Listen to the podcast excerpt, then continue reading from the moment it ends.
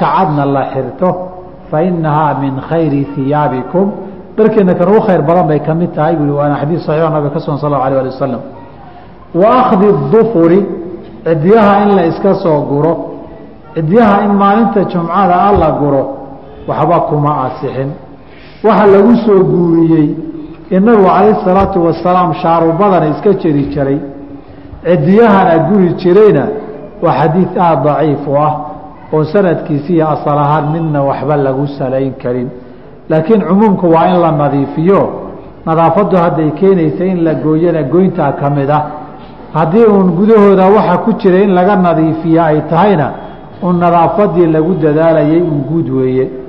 Waiibu cadar in laysa soo mariyo oo nabigu alay salaam wuxuu aada u ammaanay ninka jumcada yimaada ee soo qabaysta ee dhar fiican soo xirta ee cadar isa soo mariya gurigiisa hadduu heli karo. Haddaba cadar inaad soo marsatahay meesha marka la dhiido ama dadku isu yimaado in shiir kaa soo baxay dadkii khushuucdoodii iyo salaadoodii uu dhibo bay ka hortegaysaa walidaalika nabigan ala slam saddex haddii lagu siiyo lama diida waa ki yidhi waa asal ahaan qofkii xanuun iyo jire ay haysa waa gaarka ee cudurdaar leh. Cadarkaa ka mid ahaa barkintaa ka mid ahay. Cadarkumaba la diidaba haddii lagu siiyo sababtoo culaysna kuguma hayo. Caraf udgoonoo wanaagsanna waad ka heli. Iyada waxaa weeye wax la diidaba maaha cadarka. Laakiin mid baan meesha ku jirin. Jumcada waxyaabaha aan wanaagsanayn oo dadka in la dhex qaadaa cadar baan dadka u marino sufuuftan xagga iyo xaggaa u dhex qaadi waxba kama jiraan. Qofkaa jumcadiisii waxba kama jiraan. Oo takhaطa riqaaba annaasi iyo dembigiibuu galay. Arrintaasa la yska ilaaliyo. Dadka cadarka la wareegaya jumcada ee dadkaan u marinayaa leh.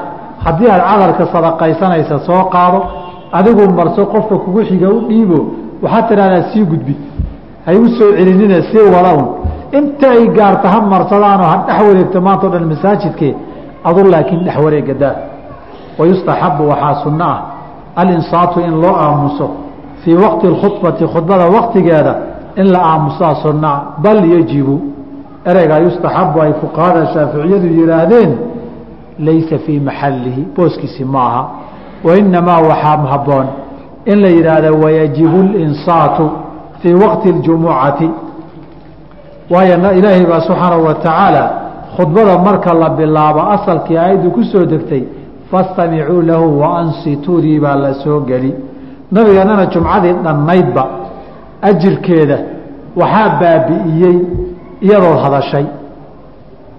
Inaad hadasho baaba ajirkii dhannaa ee jumcada kaa baabi'ino waman lagaa falaa jumucata lah. Inaad qofkii xataa amr bilmacruuf samayso oo tirada war naga aamus baad jumcadii ajirkeedii o dhan ku waayi haddii lagula hadlo isha ka fiiri juuq ha u dhihin. Haddii lagugu istaago aadi kaa tambadisa maahane wax kala ha dhihin. Arrintaasi insaadku waa waajib. Wixii kaa mashquulinaya dhegaysiga khudbada inaad ku mashquushana ma banaana tusbax haddaan wareejiyana falaa jumucata lahu. Waman lagaa man qaala lisaaxibihi uskut. Ama maalinta imaamku waa khudbeynaya war naga aamus hadduu yihahdo faqad lagaa. Waman lagaa falaa jumucata lahu. Waxbaba kaama asixinba salaadii faradkuun baa kaa dhacaye ajirkii la isugu yimid oo dhan ma leh. Waxaad arkaysaa khudbadoo socota mid baa tusbax la fadhiya. Taasu ku hayaa. Meesha aad fadhida dadkaa ku cirir yire dadka tukanaya khudbada jumcada dhegeysan ha fadhiistaane nior banaankaaga wareeg baa dhaanta. Ninkii khudbada maqlaya oo dhani wardi ma akrin karo salli ma akrin karo qur'aan ma akrin karo booskani booskii dhegaysiga weeye. Halkaa waxaa imanaya haddaan sidaan idhaahno haddii qof soo galo assalaamu calaykumna yidhaahdo wacalaykum asalaam ma dhahaynaa haddiise qof indhisoodo oo alxamdu lilaah yidhaahdo anigu yarxamuka allaahu ma dhihi. Haddii imaamkii wax akrinayey magaca nabiga sala allahu alayh alih wasalama uu soo maro ma ku sallini. Masalada waa masale culimmadu isku hayaanoo isqabadka waxaa keenay in la aamuso waa waajib nabiga magaciisa haddii la maqlana calayhi salaatu wasalaam in lagu salliyana waa waajib kale. Oo isagay ka sugan tahay albakiilu man dukirtu cindahu falam yusalli calay. Ninka bakaylka ah runta ah waa nimaan xoole iyo kharash waxba kaga baxaynin wakti iyo daal iyo haraad kaga baxaynin magacayga intuu maqlay inuu igu saliya kari waayey sala allahu alayh alih wasalam waxaa kaloo nabigu yihi waxaa ilaahayna amray waidaa xuyitum bitaxiyatin faxayuu biaxsana minha. Mid ka wanaagsan ku salaama aw rudduuhaa ugu yaraan iyadii oo kale ugu jawaaba. Salaanta bilowgeedu waa sunay dheheen laakiin raddigeedu waa waajib. Tashmiit lcaaisna xuquuqdiisa waajibkay ka mid tahay. Xaqun calaa kulli muslimin baa layidhi haddii ilaahay ku mahdiyo inuu yidhaahdo an yushamita yarxamuka allah inuu yidhaahdo laba waajib baa isu yimid labadan waajib kee la hormarinayaa ma aamuskaan hormarinaayoo xoog badan. Mise aamusku wixii aan waajib ahayn ka aamusa weeye baa la isku qabtay. Labada wadaadee isdaba socda baa midna kan la rajaxan tahay midna kan la rajaxan tahay. Laakiin culimmada tiri iyagu insaafkaa la laasimayaa la garaye kuwa yihi salaantana waa la radin. Yarxamuka allaahuna waa la dhihi nabigana calayh salaatu wasalaam waa lagu salii salaadaadiina waxba uma dhimayso laqwi noqon maysa yihi waxay daliishadeen laba arrimood. Labada arrimoodna qaaciday ka ururiyeen qaacidadu guud ahaan waa wax la ogol yahay. Waxay dhaheen laba caam baa iska hor yimid oo adilo ah. Labada caamay iska hor yimid midna waa maksuus midna waa maxfuud mid waaba la khasisayoo horay baa wax looga saarayoo adaygiisii caanimadu caamnimadu waa dabcay. Midna halkiisii buu taagan yahayoo waxba lagama saarin. Kan waxba laga saarin baa xoog badan. Oo waa keeka maksuuska waxay dhaheen jumcada la dhegaysta wey. Goormaa la khasisay haddii la yidhi waxay dhaheen laba daliil baan haynaa in la khasisay nabigu wuxuu yidhi idaa dakala axadukum اlmasjida walimaamu yaktubu falaa yjis falyusali rakcatayni khafiifatayni nin laba ragcadood tukanaya waxbuu akriyey faatixiyaad baa ku jira oo faatixa ku jirta oo rukuuc baa ku jirta. Intuu dikri akriyay soo ma aragtid imaamkiina wuu khudbaynayaa ninkaa ma la dhihi falaa jumacata lahu maya. Waa loo fasaxay. Horta caamkii in la khasisay kow dheh bay yidhahdeen midda labaad waxaa la baneeyey intaa khudbadu socoto imaamka halkaa ku yar celi inaad tiraahdo waa loo iyo meeshaasan halkaasan su'aal kaa weydiin iyo waxaayo waxaana ku dar imaamkana alla hadasho waa loo golyahay oo maxaa u daliila nabiga alay sla isagoo khudbada jumcada akrinaya soo nin intuu soo istaagay soo galba rasuulka ilaahayow xoolihiina waa dadkii waa baabeen biyo la'aan iyo abaar baa loo jabay. Ilaahay noo bari roob hana siiye ma dhihin. Oo nabiguna ma ducaynin. Oo jumcadii ilaa jumcadii kale roobkii ma kala istaagi waayin oo isla ninkii ama mid kale inta uu soo noqday intuu istaagay khudbadoo socota ma dhihin dadkii iyo xoolihii halaagsamee ilaahay roobka naga joojiye noo bari. Allahuma xawaalayna walaa calaynaa ma dhihin. Ninkaa nabiga calayh salaat salaam waxay fuqahadu ka qaateen khaiibka waa lala hadli karaa.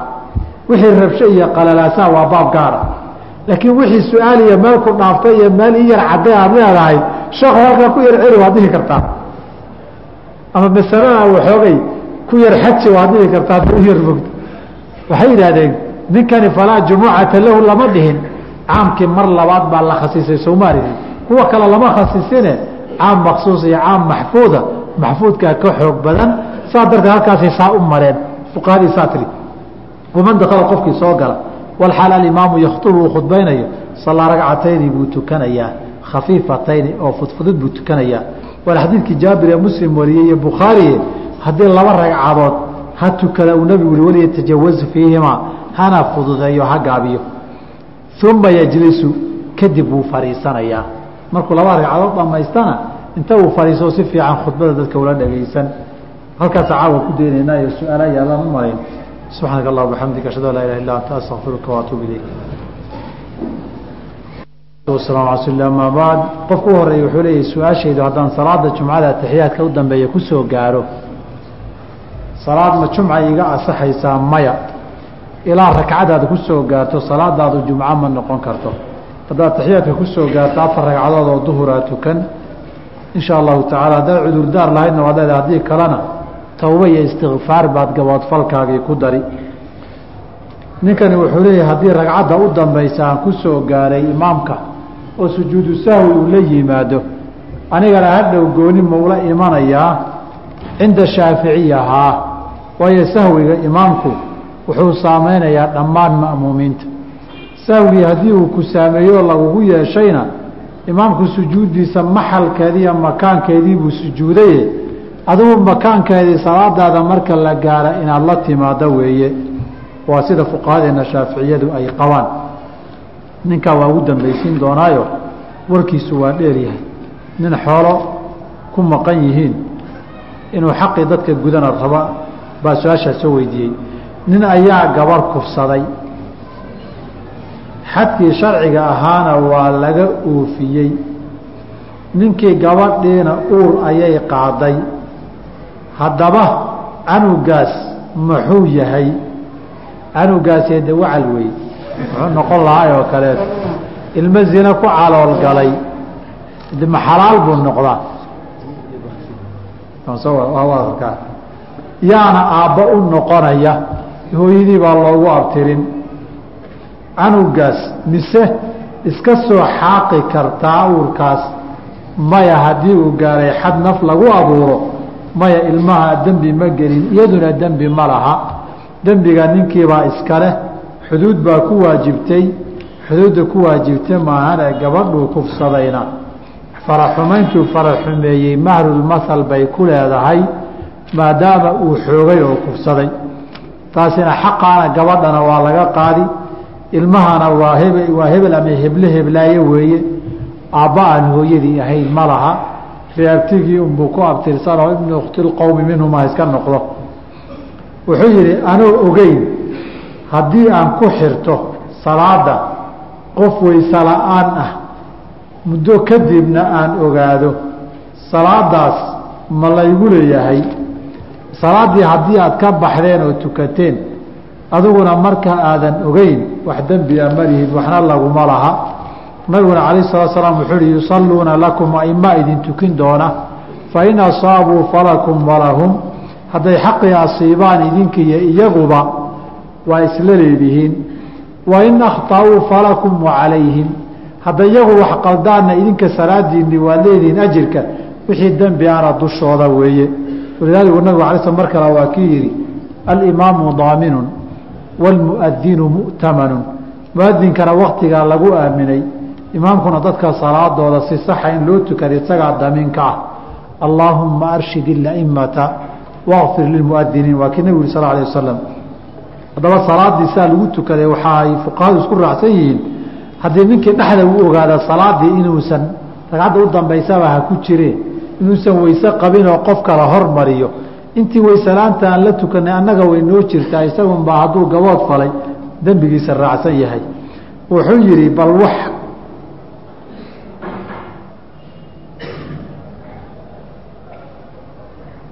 bal wax ka faa'iideeya jamaacada mawlacyaasha mawlacyaasheedi haddii ay meeshu tuuliya iska tahay meel ay isugu yimaadaan dadka xukmulmasjid bay qaadani oo jamaacadii iyo lagu ogayo. Haddii laakiin masaajidii oo dhisan masjidyaa ka dheeraaday oo mawlac ka hinraagay ay tahay dadkaasi dad ismi iyo dembi isugu yimid weeye. Dhammaantoodna aatimiin weeye jamaacadii salaada loo aadaamay makaankeedii iyo masaajidii. Intay kala dhuntaan meelaha iyo luuqluuqa salaada in lala galo dembi weeye meesha looga aadaamay baa waajib iyo masaajida in la tago. Waswaas maxaa u daawo ah? Salaada dhexdeeda iyo wixii ka soo harayba waswaasku horta dawada koobaad waa ilaahay inaad barido asbaabta keenaysa oo haddii ay tahay taaco yaraan iyo macsiyo badnina. Inaad labadaaba aad saxdo oo taacadana badiyso dembigana yarayso haddii ay tahay shakina shaki wax laguma saleeye inaad iska dayso. Kadib shakigaa de wuxuu yahay faahfaahintiisa haddii la sheego dawooyin kala duwan buu leeyahay. Calaa kulli xaal kutub bay culimmadu ka qoreen intaan xasuusta hadda. Risaalata bni qudaamata almaqdisi xambaliga uu leeyahay u qiimo badan tahay kutubtooda akhriya ku noqo. Markaan booraysanayo janaabada isaga iyo weysada laba mar miyaan ka kala dhigaa sideese sideense ugu kala weysaystaa haddii aada booraysanayso insha allahu tacaala hal mid baa ku filan. Haddii aadan darar jirin biyaha kuu diidayey. Haddii darar biyaha kuu diidaya jira rawaayaadka xadiidka camr bn alcaas waxay sheegayaan inaad qabayskana u booraysato weysadana isaga weysaysato waa haddaad biyo heli karta ama ad kari karta haddaadan kari karinna hal booraysan baa ku filan. Annagoo ha afar wiil ayaan safar aadnay waxaan tagnay magaalo waxaan joognay laba bilood. Labo ayaa waxay dhaheen annaga salaad waan jamcinaynaa. Laba bilood salaad ma la jamcin karaa. Haddii uu qofku xaaladiisu tahay maanta iyo berri hawshaadu kuu dhammaato aada iska tegtid ay tahay. Laba iyo lixba waa la jamcin karaa salaadaha. Haddii uu qofku uu leeyahay hawshiisa uu og yahay bil iyo laba iyo saddexba inay qaadanna qofkaasi wixii bil ka badan waxaa fiican inuu iska salaadaha sidoodii caadigaa ku celiyo. Wixii ilaa bil ahna nabigay ka suganta sal slam tabuuk bishii u deganaa inuu gaabinayo salaadaha. Aniga oo salaada ku jira haddii aan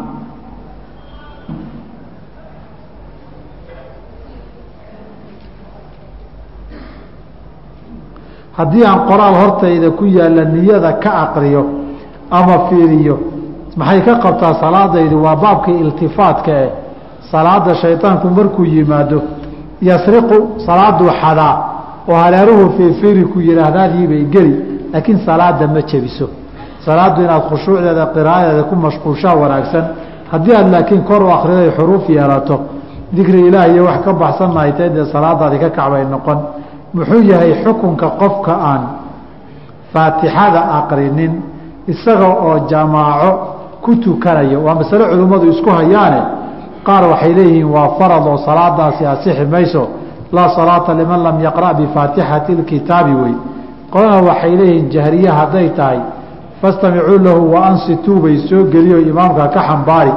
Waa masale culimmadu isku hayaane masaladaasoo kaleeta laguma tiigto laysugumana xiiqo warkeediina horkeedana wadwaditaankeedoo la badiyana wax natiijaa laguma gaaro. Labada wadaadee isku xigtana midba warkiisu dhan buu maraa. Aniga de inaan laga tegi karin bay ila badan tahay. Waa maxay xukunka qurxinta?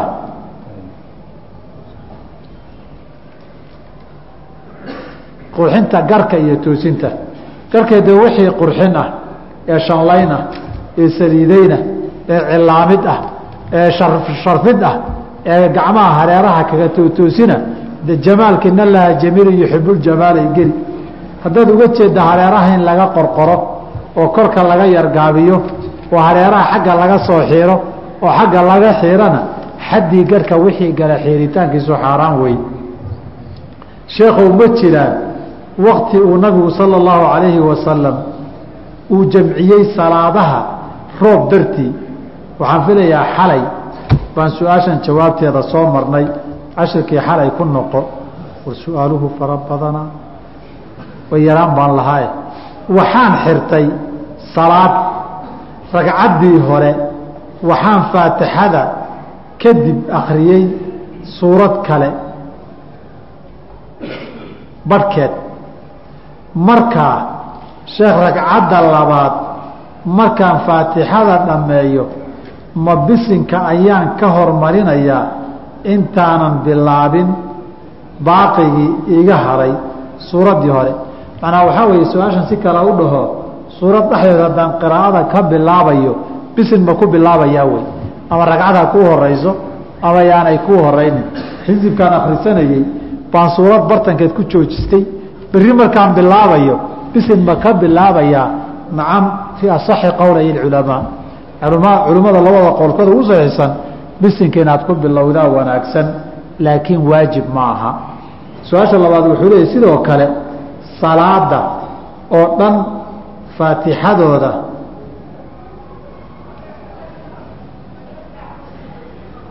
Ha ahaadaan afar saddex labo. Ma aamiin ayaan dhahayaa. Wala daaliinba haddaad maqasho waa ducee. Nabigu wuxuu yihi faquuluu aamiin aduu ragcadaha kala reebin sidaa laysu raaciyey isu wada raaci ninkan wuxuu leeyahay haddii adigoo safar ka soo laabanayo la gaaro salaada duhur lagana yaabo inaad casarka gaari kartid gurigaaga ma jamcin kartaa? Intaad safarta tahay labadii salaadood waadna gaabin kartaa waadna jamcin kartaa. Duurkaa israacin kartaa. Adigoo og haddaan wax kale iyo mowd ka soo horeynin inaad gurigaaga casarka ka hortegi duurkoo jooga xilligaad tukanaysa mar haddaad musaafir tahay waayo halkan uu diyaarad ka raacayaayo. Salaada duhur markay soo gashay kacaysaa. Mambaasana wuu socdaayo saacad meelaha loo sii soconayo. Casarka ka hor baa tegi sowma gurigiisana mambaasuu degan yahay. Mambaas ka soo noqonaya uu degan yahay imanaya halka aad joogta labada salaadood intaa jamcisa waad gaabin kartaa dhib ma laha. Waxaa kaloon weydiiye buu leeyahay waxaad sheegtay wadaad tusbax weyne oo dallaala dumarka. Laakiin waxaa jira dhallinyaro saxwo ah rag iyo gabdho qaar ay yihiin macallimiin madraso howlahaas qudbasiradana ku jira. Ee maxaa dhehi lahayd de qudbasiradu sidaa sharcigu yaqaanaan ka hadalla hadday tahay ma banaana. Qudbasiraduna labaa qudbasiro la yidhaahdaa in gabadha aan reerkoodiiyo weligoodiiyo jooga la weydiisanin ee luuqaa laga gacmogacmaysto guurkaana ma asaxo ta labaadina waa nikaaxu siri waxa la yidhaahdo walaalkeed ama aabbaheedna wuu ka doonayaa reerka dhanna waxaa lagu heshiin inaan la sheegin. Oo gabadhii berri urad ugu soo baxay aa ka dhalay. Dadkii saaxiibadii iyo qaraabadii iyo dariskii wayna way ficneede maxaa ku dhacay? Cirdigeeda la tuhmi sow maaha. Habeen luuq sii gelaya haddii la arkana war wayba ficnaayna balaaye ku qaadaygu maxaa ku dhacay soo maaha. Qarintaasina ma banaano amarkii nabigay ka hor iman aclinu nikaaxa uu yidhi. Banaanka bahalka soo dhiga. Maxaa xafladiiyo durbaanka loo ogolaaday sheekada inshaaca laga qaado dadkan wada socodkooda iyo gabadha iyo ninkaba cirdigooda la badbaadiyehay wixii baad u farabaxsanaysaan masjid dabaq leh. Haddii jamaacad salaada gasho salaada inta lagu jiro ay korontadu tagto dadkii maxay samayn? Dadka waxaa looga baahan yahay inuu isxilqaamo ama iyagu ay riixaan min safka hore ugu jiro imaamadii uu la wareego waayo imaamkii hadduu xanuunsado ama weyse la'aan noqdo oo tacadur uu yimaado cid kalea la wareegi lahayd sowmaa bal waxaa banaan imaamkii oo tukinaya imaamkii oo maqnaa nin kale salaadii tukaday hadduu imaamkii yimaado inuu gadaal intuu u soo riixo safka gal yihahdo isagoo kala wareego. Baa banaan oo sharciga la ogol yahay. Ama isaguba iska wareejiye ogowad isagu ka xataa khiyaarkii maaha nabigu cala salaam maqan markii uu yimid abubakar oo tukinaya dadka. Soo abubakar kuma wareejinay salaada dhexdeeda nin kale de ha caleemo saartaano isagu ama hadad ha riixaan ama isagu ha iska hor dhaqaaqee nin un inta hogaanka u dhiibtaan kala salaada dhexdeeda inta dhiman salaada ha tukiyey sidaasaa wanaagsan.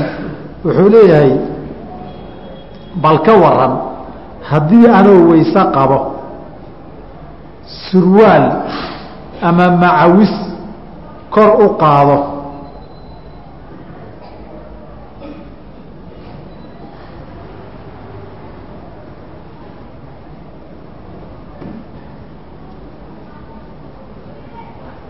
aan kor u qaado ay faraha foodooda taabato taabtaan barida dusheeda.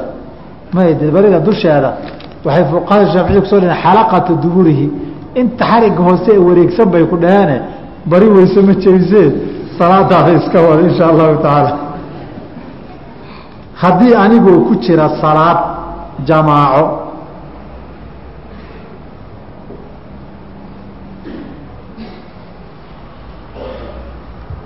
uu sarwaalka iga jeexmo. Hoosna aan waxba ka wadan ma ka bixi karaa salaadda hadday cawradii faydanto ood soo asturi karta haa waxaad meel ku asturtaba haddaadan meella ku ogeyna waa daruuree salaadaada iska dhammaystira soo maaha. Haddii aan dhaho hebel oo muslim ah haddii aan gacanta ka dhigi lahaa gacanta ku dhigi lahaa waxaan u dhiibi lahaa gaalada. Haddii aan nabad ku helayo muxuu noqonayaa xukunkayga. Diinta ma uga baxayaa intaa keliya diinta loogama baxee asbaab baa keeni karta. Nabigu sal ly slam heshiis intuu gaalo la galay. Kii muslimkaha iisa soo dhiibay xudaybiye kadib soo intuu qabtay oo u yimaadeen qabsada oo la taga ma dhihinoo ma celinin masalada gaalnimadu nimadow bahasha fooda ahee aada loola ordayo. Bal waxoogay sheelaraha iyo sbiirka ah laga yardhibayla qumanaan lahayd masaa'ilkana su'aal saa u kooban masaa'ilku takfiirka. Ama qofku muxuu ku gaaloobaa su'aal saa u kooban masaa'il lagaga bixi kara maaha. Laakiin waa dembi inaad ereyga saasa tiraahdo. Maxaase sababay? Sababtu maxay tahay in lagu la ogaado? Bay u baahan tahay de si shaksiaba haddaad isugu dhexdeen ama adiguba naftaada aad ku furanayso adoo lagu cayrsanayo hebel aad isku madax furanayso qabaayaad sababad anwaac badan bay yeelan kartaa wuxuu yidhi dadka degan yurub iyo america oo aan marnaba maqal aadaanka salaada ma ku waajibtaa inay yimaadaan salaada jamaacada? Haa haddii ay aadaan haddii la fasaxo dadkaasi waa ashuunku aadaan aadaanka kor uma baxo. Kor inay u qaadaanna looma ogola.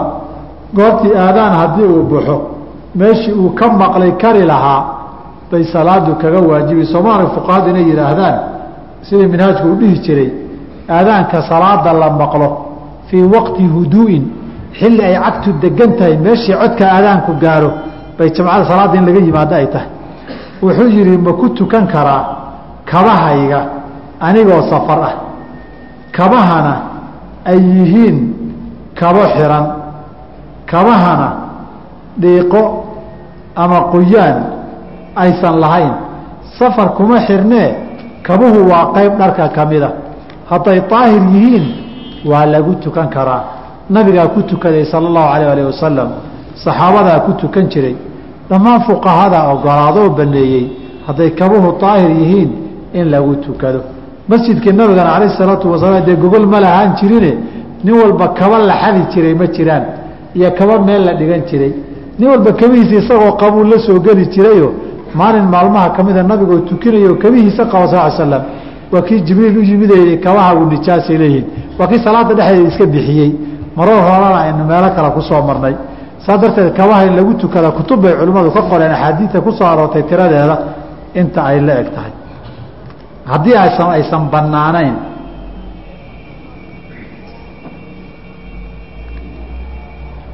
Gabadha codkeeda ragga ajnebiga ah inaysan maqlin ama inay maqlaan de iska dheh.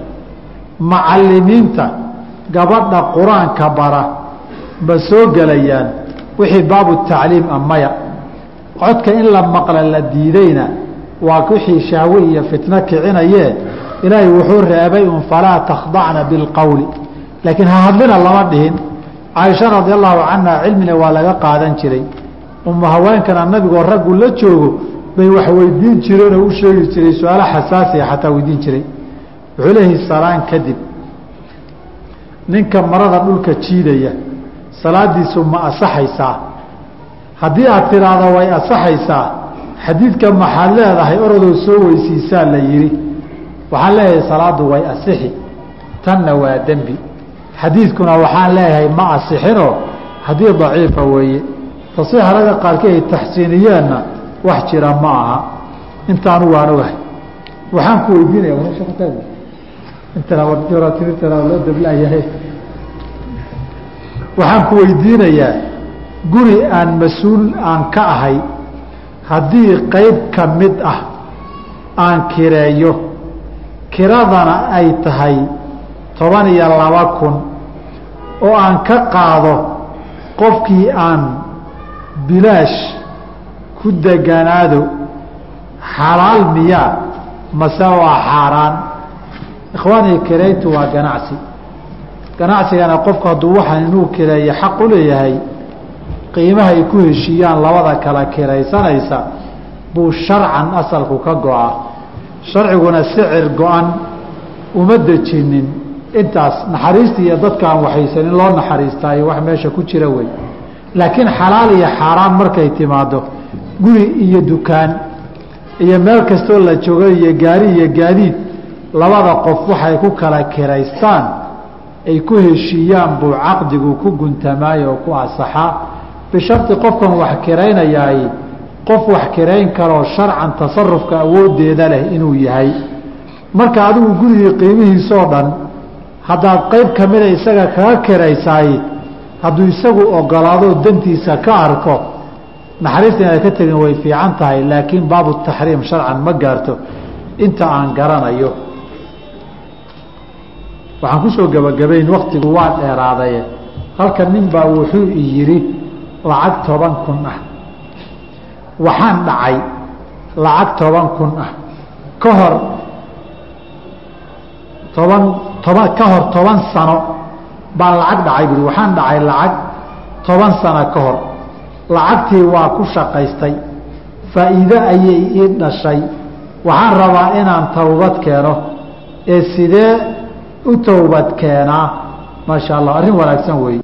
Bani aadama khataaun wa khayru lkhataa'iina tawaabu nab slam dhammaantiin waad gaftaan waxaan idinku khayr badan kuwa towbad keena nabigana alayh salatu slam waa kii yidhi ilaahay haddaydaan gafaynin intuu idin baabi'iyo buu kuwa gafa oo towbad keena ayuu abuuri lahaa.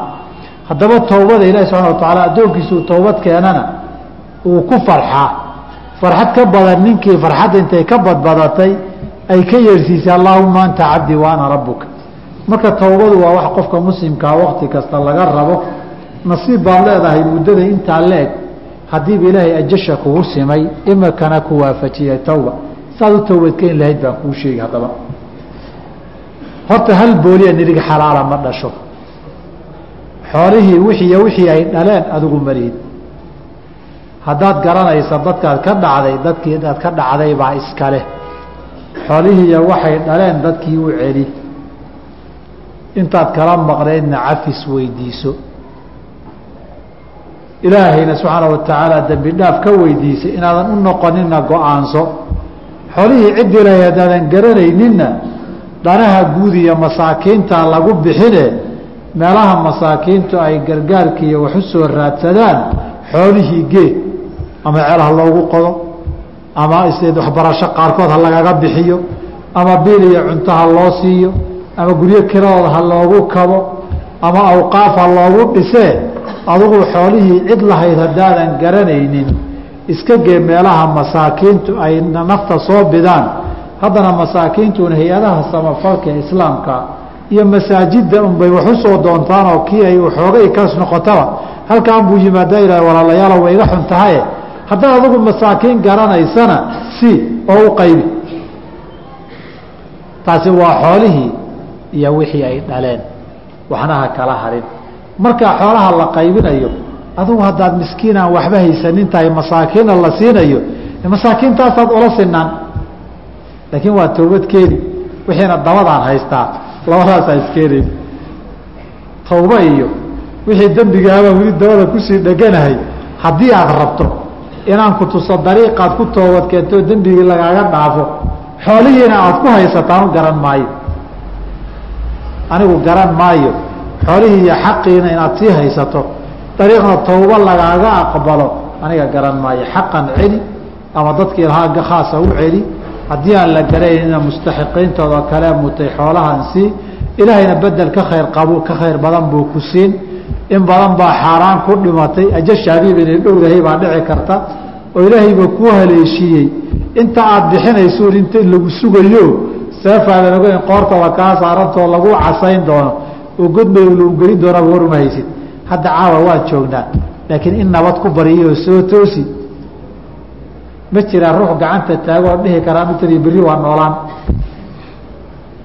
Inteena maynugu jiraa ruuxtaniyo berri inuu noolaan guud ahaan waa filaynaa in kamida dadka inay noolaan. Laakiin qofkas inuu dhintaa dhici karta. Saaba inay xaalku yahaa laga yaabaaye caawa hala seexan baan ku dhihi lahaa adoo xaqaasi qoortaada saaran yahay. Ilah waxaan ka baryaa towbada inuu nawaafajiyo daraadba waxaan israacnay niman soomaaliya dawladdii saraakiilka ahaan jiray. Iyo niman meelo ila dhaqaala fadhihi jiray. Sheekadiisii loo waday annagoo gaari ku jirna baa ragiis yaqiinay ahayna kaftan bay gashay. Ninkan anaa ka anaa ka boos cuslaay anaa ka boos cuslaa cabaar baa la wado anu meeshaasaan fadhiyo intaasaa shaxadiisoo dooran jirtayo intaasoo gaari booyado shidaalaan leexin jiray intaasoo guri baan ka dhistayo bay sheekadu gashay. Markii dambe dhn hay wadaad waran waxaan ku ihi hadda waxaa ku tartamaysaan. Anaa kaa xaaraan cunsanaa oo kaa xaaraan urursi badnaa oo dembiga kaaga fara dhuudhuubnaa baad hadda ku tartamaysa maa maanta o dhan waxaan nimayo hantidii wixii idinku soo haray ee guryaha ma jiraan haa. Masaajida ku waqfaani kuwa guryaha ad leedihiin mada akhriyadan la dhimanine. Ilaahay qadarkiisi nin baa wuxuu warni afar guri baan leeyahay si aan isu dhaafiyaan lahay. Carruurtaydana waan u sheego xoola xaaraana laga dhisay. Idinku malihiin baan ku eraya see yeelaa.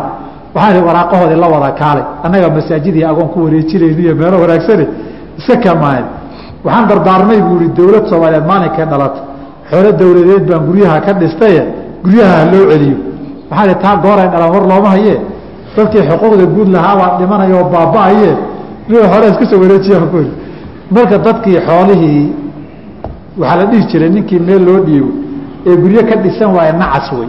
Nin shaqaysanaya maaha. Xoolihii hantida guud ee la dhacay reeraha la kala dhacay iyo qof shaksi oo dhacday keliya maaha. Xoolihii laga sameeyey hantidii guud ee la dhacay xaaraan wey. Gaari ha noqdo gaadiid lagu shaqaystay ha noqdo guryo la qabsaday ha noqdaan xoolo la boobay oo guryo iyo daaro laga dhistay ama beero laga gatay ha noqdaan waxaasoo dhan xoola xuquuq dadka ka dhaxeeyey oo qofuu xaday oo xoogay weeye xaaraan weeye.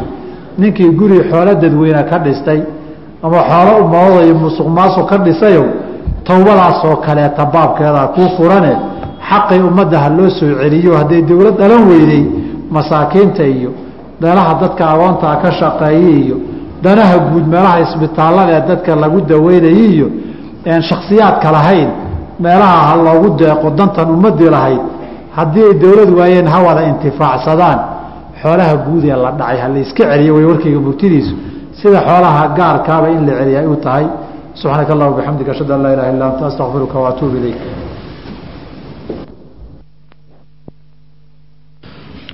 بسم الله الرحمن الرحيم الحمد لله رب العالمين صلى الله وسلم على رسوله الأمين وعلى آله وأصحابه أجمعين ومن تبعهم بإحسان إلى يوم الدين أما بعد waxaan soo gaarnay kitaabkii matnigii alqaadi abu shujaac raximah اllahu tacaala salaatulciideynkaan soo gaarno cashirkii u dambeeyey hore wuxuu ahaa dhammaadkii salaatu اljumuca insha allahu cashirkeennu waxaynu ka gaarna ciideynka qoraxmadoobaadka iyo roobdoonta. Baynu caa waxaan ka gaarna aqriyi doonaa insha allahu tacaala sidii caadiga ahayd buuna cashirka u soo doona haddii alla yidhaahdo faslun wasalaatu اlciideyni sunnat mu'akada wasalaatu lciideyni labada ciidood salaada la tukada xukunkeedu sunnatun sunno weeye oo mu'akadatun la adkeeyey halkan mualifku raximah llahu tacaala wuxuu ku sheegay sida madhabkuba yahay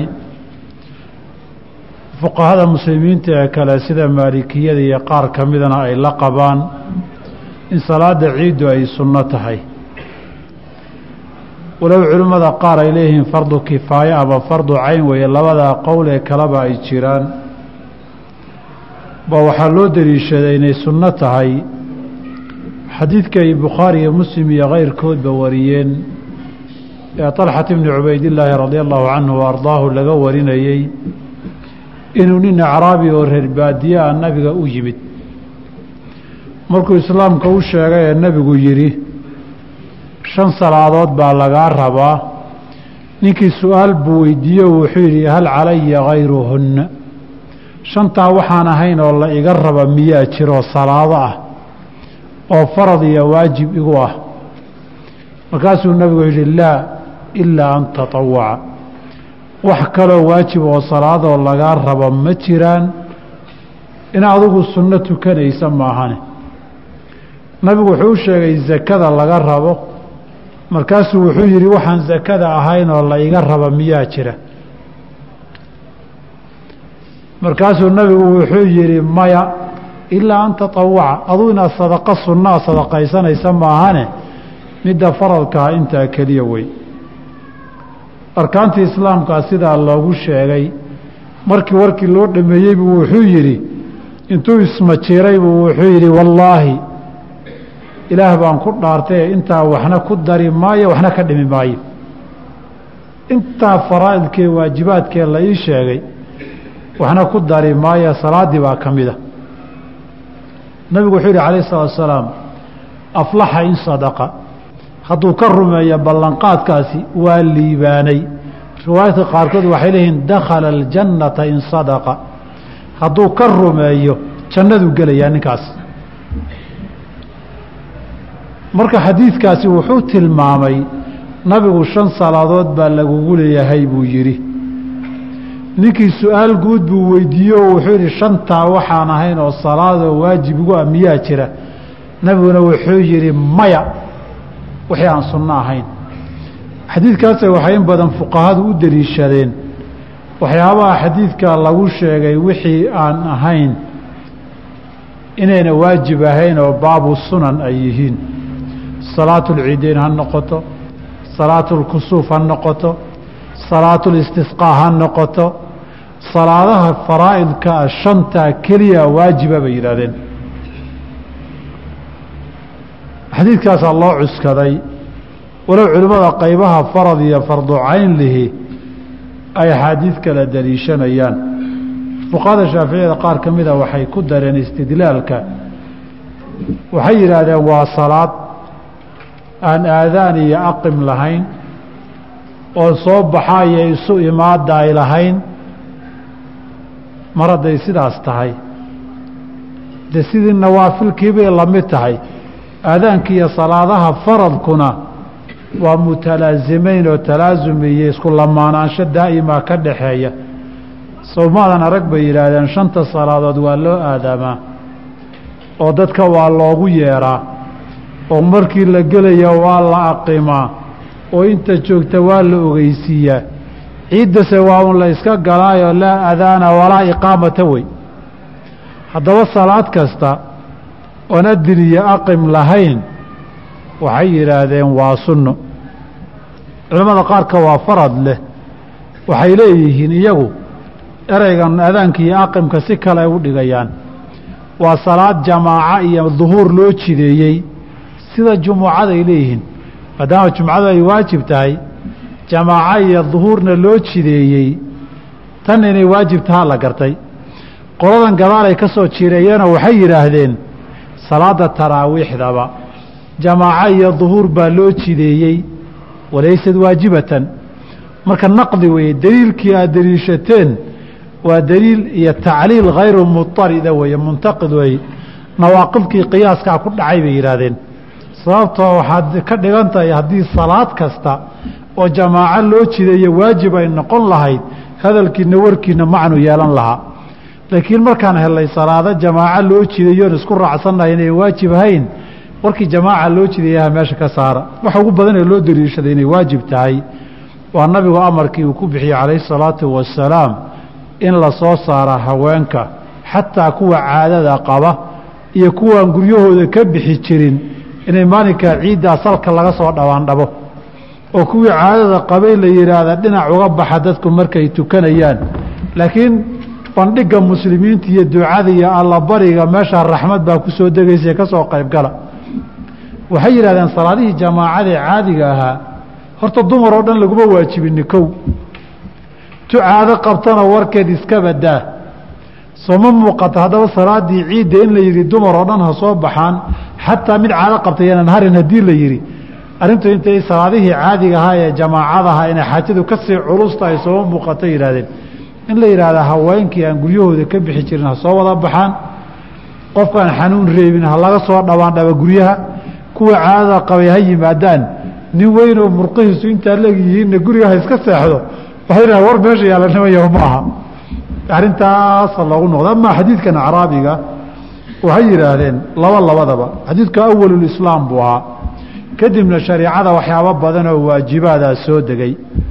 Idinkuna shaaficiyahay xadiidkan sida uu ahaa ogumaydaan dhaqmin. Idinkoo sidaana yidhi baad mararka qaarkood ka siibateen oo goormaan ka siibanay salaada janaasada noo sheega xukunkeeda. Ma sunna mise waa farad? May waa fardu kifaayo wey hal calaya hayruhaa ilaa an taطawaca saad kaga baxsateen. May ahde xadiid gaaraa yimido. Taa halkaad ka marteen baana ka maraynaa sumaada maqli jirin soo daacirka meeshaad ka gashaa ka geli.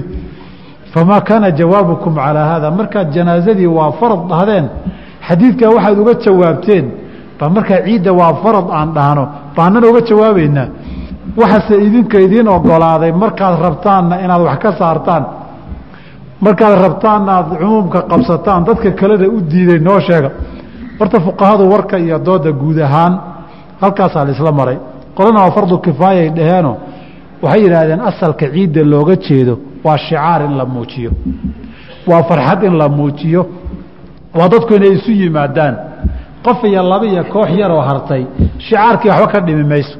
Mar haddii shicaarkii dad ku filan ay sameeyaan inta kale meesha ka dhaca ka dhacaan bay yidhahdeen waxle afraaddii maadaama aadaan iyo soo baxay soo baxay gaara ayna lahayn.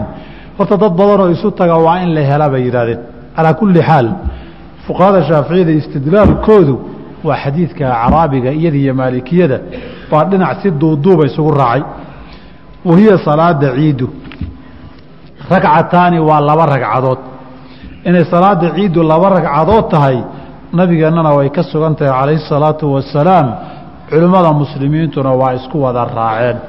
Oo nabigeena xadiidkii cumar waxaa ka sugan inuu yidhi salaada ciidulfitrigu waa laba ragcadood. Salaada ciiduladxaana waa laba ragcadood. Salaada jumcaduna waa laba ragcadood. Salaada musaafirkuna waa laba ragcadood. Tamaamun hayru qasrin. Saasay ku wada dhammaystiran yihiinoo wax qeyb laga tegay ma leh. Calaa lisaani muxamadin sala allahu alay wasalam afka iyo carabka nebi maxamed baana ka haya arrintaas. Sidaan buu nabigu u tukan jiray laba ragcadood. Muslimiintuna taariikhdooda saasay soo kala dhexleen culimmadii iyo madaahibtii muslimiintuna sidaasay isku raaceen. Haddaba ciiddu waa laba ragcadood. Yukabiru waa takbiirsanayaa. Fil uulaa ragcadda hore sabcan toddoba jeer buu takbiirsanayaa siwaa takbiirati alixraami takbiirta xirashada marka laga reebo. Wa fi thaaniyati ragcadda labaadna khamsan shan buu takbiirsanayaa siwaa takbiirati alqiyaami. Markii takbiirtiisoo istaagga laga reebo. Halkan mualifku raximah allahu tacaala wuxuu ka tegey madhabka shaaficiyadu salaatulciidi salaadaha kale masale ay la wadaajiyeen oo ah markii allaahu akbarta hore la yidhaahdo ducadii istiftaaxa in la akhriyaa sunnaa waana madhabay shaaficiyadii iyo xanafiyadii iyo xanaabiladii isla qabaan wey waxay leeyihiin allaahu akbar marka aad tiraahdo ducaaul-istiftaaxii salaada la aqriyi jiray baad aqriyi kadibna takbiiraha ziyaadada ah baad la iman. Riwaayaadka inta ugu badani waxay sheegeen takbiiraha la takbiirsanaya allaahu akbar la leeyahay ragcadda hore waa toddoba. Intaan akhriska la bilaabin faatixada la bilaabin. Ragcadda labaadna waa shan. Inta aan faatixada la bilaabin. Haddaba shan iyo toddoba waa labiyo toban. Waxaa la isku qabtay marka toddobadan hore takbiirta xirashadu ma ku jirtaa mise waa toddobo kale imaamu shaafici iyo rag lamidii iyo fuqahadii waxay ku tageen inayna takbiiratu lixraamku ku jirin. Ee marka la leeyahay sabcan qabla alqiraa'ati toddoba aan akhrisku akhriska ka horreeya iyo khamsan qabla alqiraa'ati shan akhriska ka horreeya ragcadda labaada waxay leeyihiin waa siwaa takbiirati lixraami kow. Waxay ku saleeyaan laba arrimood midda koowaad riwaayaad duruqdooda ay asaaniiddooda uu dacfi ku jiro baa waxay ku soo aroortay siwaa takbiirati lixraami oo riwaayada cabdirasaaq fii musanafi uu ku warinaye aطaa'ifi uu ka warinayo waxoogay xifdigiisa dacfi ku jiro. Walow ruwaaddii ka warisa aynan isku khilaafin inta aan arkay bay xujaysanayaan. Mid labaadna waxay xujo daliil ka dhigteen waxay yidhaahdeen ciidda takbiirahan la sheegayo kuwii salaadahay la wadaagtay maaha. Waxa laga hadlahayo toddobay leedahaydu. Toddoba ma yeelanaysa haddaan takbiiratulixraamka ku daro takbiiratulixraamkana salaad kasta oo la gelayay la wadaagtaa. Marka iyaga toddoba maxaa gaar kaga dhigay? Waxa laga hadlayo. Hadalka waxaan ka fahmaynaa salaada ciiddu toddoba takbiirood bay leedahay. Toddobay la dheer salaadaha kalena hadalka ka dhadhaminaynaa bay yidhahdeen taana waxay noqon kartaa oo keliya markaan ragcadda takbiiratulixraamka ka reebno. Arrin saddexaadna waa ku dareenoo riwaayaadka qaar baa waxay ku asixeen siwaa takbiiratay rukuuci. Labada takbiiradoodii hadhow rukuucdii akhriska ka dambeeya kuma darsana. Jamaahiirta fuqahaduna waxay ku tageen ragcadda dambe marka la soo istaagayo takbiirtaa istaagu kuma jirto waxay yidhahdeen tan dambe haddii ragcadihii takbiirtii dambe waxa looga reebay salaadaha kale la wadaagtaa.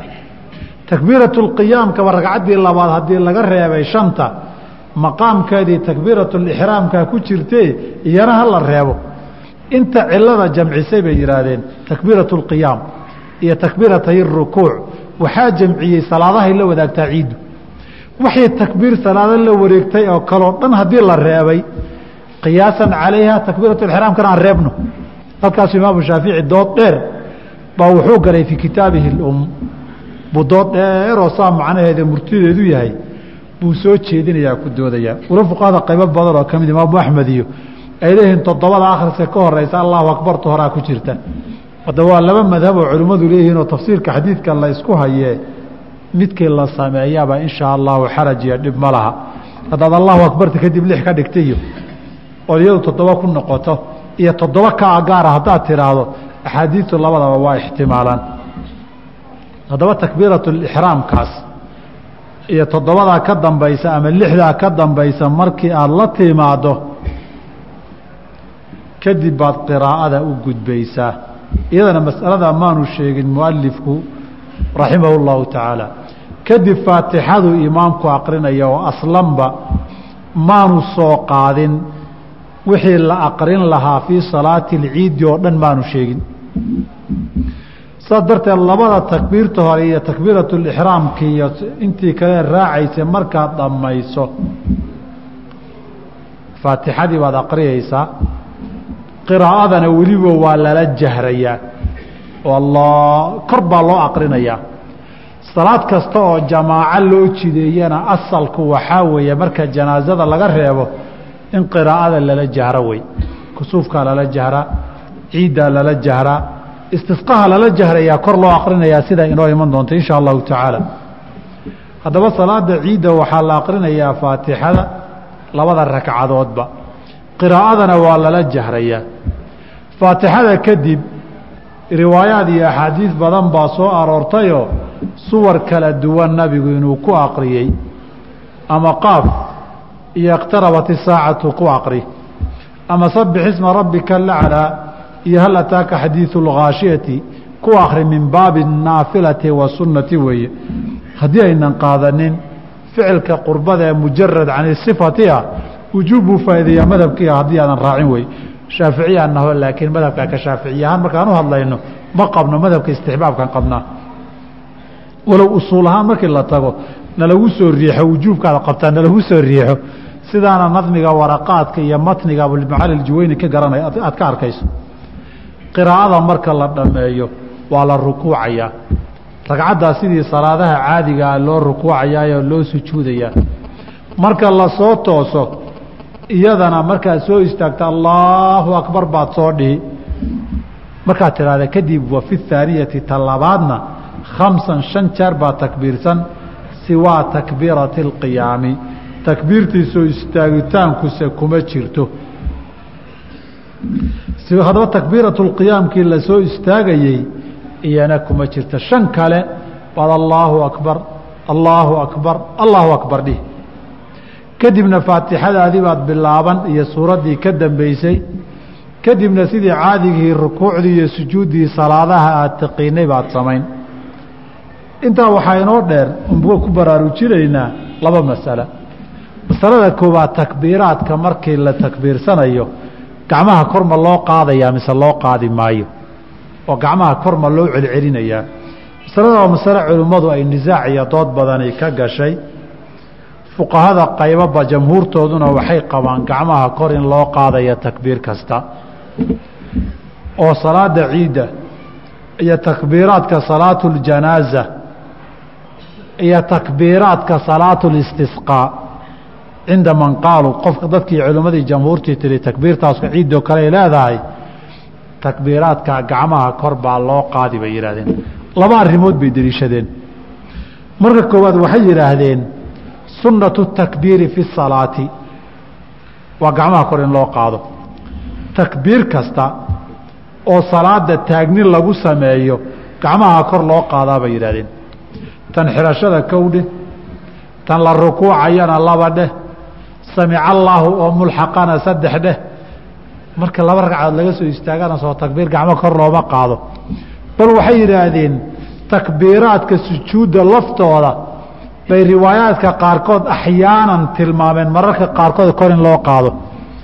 Waxay yidhahdeen annaga ma hayno qaacidada sunnadii salaada oo la taagan yahoo la takbiirsanayo oon gacmo kor loo qaadaynin maana arag bay yidhahdeen haddaynan arag qaaciday fuqahada jamaahiirtoodu qabaan bay ku saleeyeenoo waxay yidhaahdaan maa habata fi sunnati habata fi lfardi wamaa habata fi lfardi habata fi sunnati ilaa bidaliil. Afcaashii sifaadkii faradku sunnadana waa la samayn. Kuwii sunnada lagu arkana faradkana hay'aadka waa lagu dabaqi. Allaahuma daliil kala reeba in la helo maahane walidaalika waxay leeyihiin kayfiyaad badan oo salaada ciidda oo kaleeto ruwaadda agarkooda warinaya marka la sujuudo iyo marka la soo toosayo takbiiraadkii masoo ma soo guuriyaan xaggaan ka garannay sujuudda in la takbiirsanayo kayfiyaadka iyo xataa ataxiyaad inay leedahay iyo in la salaamo naqsan tafaasiishii salaada caadiga ee kale ku soo aroortay baynu ku dabaqnay tan maxaa looga reebay yihahdeen salaadihii kale waxay yidhahdeen arrintaa waxaa ku tusaya masalaa la yar buunbuunin rabaa markan dambe. Janaazadu takbiiraad bay leedahay. Takbiiraadkaas ibni cumar waxaa ka sugan inuu gacmaha kor u qaadi jiray. Walaa yuclamu lahu mukhaalifu min asaxaabati saxaabi khilaafay oo sidaa ka duwan sameeyey isna ma jira yidhaahdeen. Amaa xadiidka abi hurayra uma laa yacuudu ah. Waxay yidhaahdeen haddaan takalluf la samaynaynin sina uma sugno ma asixin. Waxay yidhahdeen arrin saddexaad baan haynaa. Ciidaha laftooda cumar baa laga wariyey. Walow sanadka dacfi uu ku jiro madhabka axmed iyo abu daawuud haddaan qaadanno aahaarta iyo marfuucada iyo mawquufada ee la wariyo ee sanadkeedu dacfiga ku jiro baa ijtihaadaadka ka fiican bay yidhaahdeen. Walidaalika ciraaqi fii alfiyatihi markuu mas'aladaa tilmaamayey ee sunan abu daawuud ka hadlayey waa kula kaana abu daawuuda aqwa maa wajad? Yarwiihi wadaciifa xayثu laa yajid. Fi baabi gayrahu daaka cindahu aqwى min ra'yin? Qaalahu bnu mandah. Dadka warkooda xadii daciifaan ka jeclahay wy annagana waxay yidhaheen ahar cumar oo daciifa baa noo dhaama wadaad waa dambe yimid. Waruu meelahaas ku tootoosiyey aharkan oo kii ibnu cumar ee baabka kanun lamidka ahaa cumuuman halkaasa iyagu mareen. Waxay xujaysteen aharka ibnu cumar u xujaysteen qolyo mutaakhiriina oo yihi aharkaa la daliishan maayo. Ba madhabka saxaabigana waa xujo qaba. Ba waxay ku dhah waryaahee dhahaya idinkunbaa maalinba meel nagaga iman. Marna qowlka saxaabiga iyo ficilkiisu waa xujaadna leedihiin marna ibnu cumar mukhaalif lahayn baad leedihiin la daliishan maayo. Nimayo warkiina meel naga soo saara. Masaladii xujiyatu qowli wa ficli saxaabina ahar bay ku yeelatay laakiin waa lagu gediyey waxoogay shaaficiyadu marna ma daliishanaysaan marna inuusan xujo ahayn ma rajaxaysaan baa iyagana. Qowli iyo ficli saxaabi waxay rajaxeen inuusan xujo ahayn idinkii maa marna daliishan marna xujo maaha iyaga laftoodu su'aalu taallay noqotay calaa kulli xaal qaacidada caamka ee salaada jamhuur ahlilcilmina ay qabaan in la raaco. Bay qabaan fuqahada shaaficiyadu walaysa bibaciidin can الsawaabi sida raajixana igalama foga wallahu aclam. Masalada labaadeen baraarujinaya waxaa weeye takbiiraadkan marka la takbiirsanayo waxaa sunno ay qabaan fuqahada shaaficiyadu allaahu akbar markaad tidhaahdaba dikri yaroo tasbiixa inaad raaciso. Allaahu akbar subxaana allahi walxamdu lilaahi walaa ilaaha ila allah allahu akbar. Allaahu akbar. In sidaa la yidhaahdo waa aahaar bacdu saxaaba ka sugan weeye. Oo bayna takbiiraat iyo taabiciin badan baa bayna takbiiraat adkaar ku dari jiray. Iyadana waa istixbaabeen. Labadaa masale maanu sheegin iyagana. Wayakhطubu wuu khudbaynayaa bacdahaa salaada kadib khudbatayni laba khudbuu khudbaynayaa yukabiru fi اlأuulaa midda hore wuxuu takbiirsanayaa tiscan sagaal wa fi اthaaniyati midda labaadna sabcan toddoba halkan xadii jumladan dhowr mas'alo buu ku tilmaamay kow wuxuu ku yidhi wayakhطubu bacdaha salaada ciidiya khudbada salaadaa horeysa khudbaduna way dambaysaa sidaasaana nabiga calayi salatu salaam iyo khulafada lagu yaqiinay ree beni marwaan baa ugu horreeyey wax soo hormariya khudbada. Sababtoo ah markii cali iyo rag bay wax ka sheegi jireen iyagana xoog bay dadka ku haysteen oo lama jeclayn. Ee dadaan ku rabin qasabku ku fadhiisin kartaa salaadda hadday tukadaan. Khudbada dhegaysigeedana jamhuurtu waxay qabaan inaanay farad iyo waajib ahaynoo haddii salaada la tukada intii dhegaysan ha dhegaysato in kalena way iska dareeri karaan. Waa tilmaami doonaa insha allahu tacaala. Haddaba dadku waxay samayn jireen salaadaa la iman assalaamu calaykum markuu la yidhaahdo cidiba sugi mayse warkoodee iyagoo daldalan bilaabay baa nimaan warkiisa la rabin salaadaan u imid mar haddaan tukaday warkiisa ma doonaye dantaydaan ka raacan baa la yidhi. Dadkii baa sugi waayey markaas iyagana fikirana waxay dhahaan waxay sheegayaan dadka inay maqashiyaan bay rabaan. Si loo qasba haddaba waxa la rabaa ay u maqlaan khudbadii baaba la soo hormariyey. Intaad salaada sugayso waad qasbantay dhegeyso waxaan ku sheegaya wey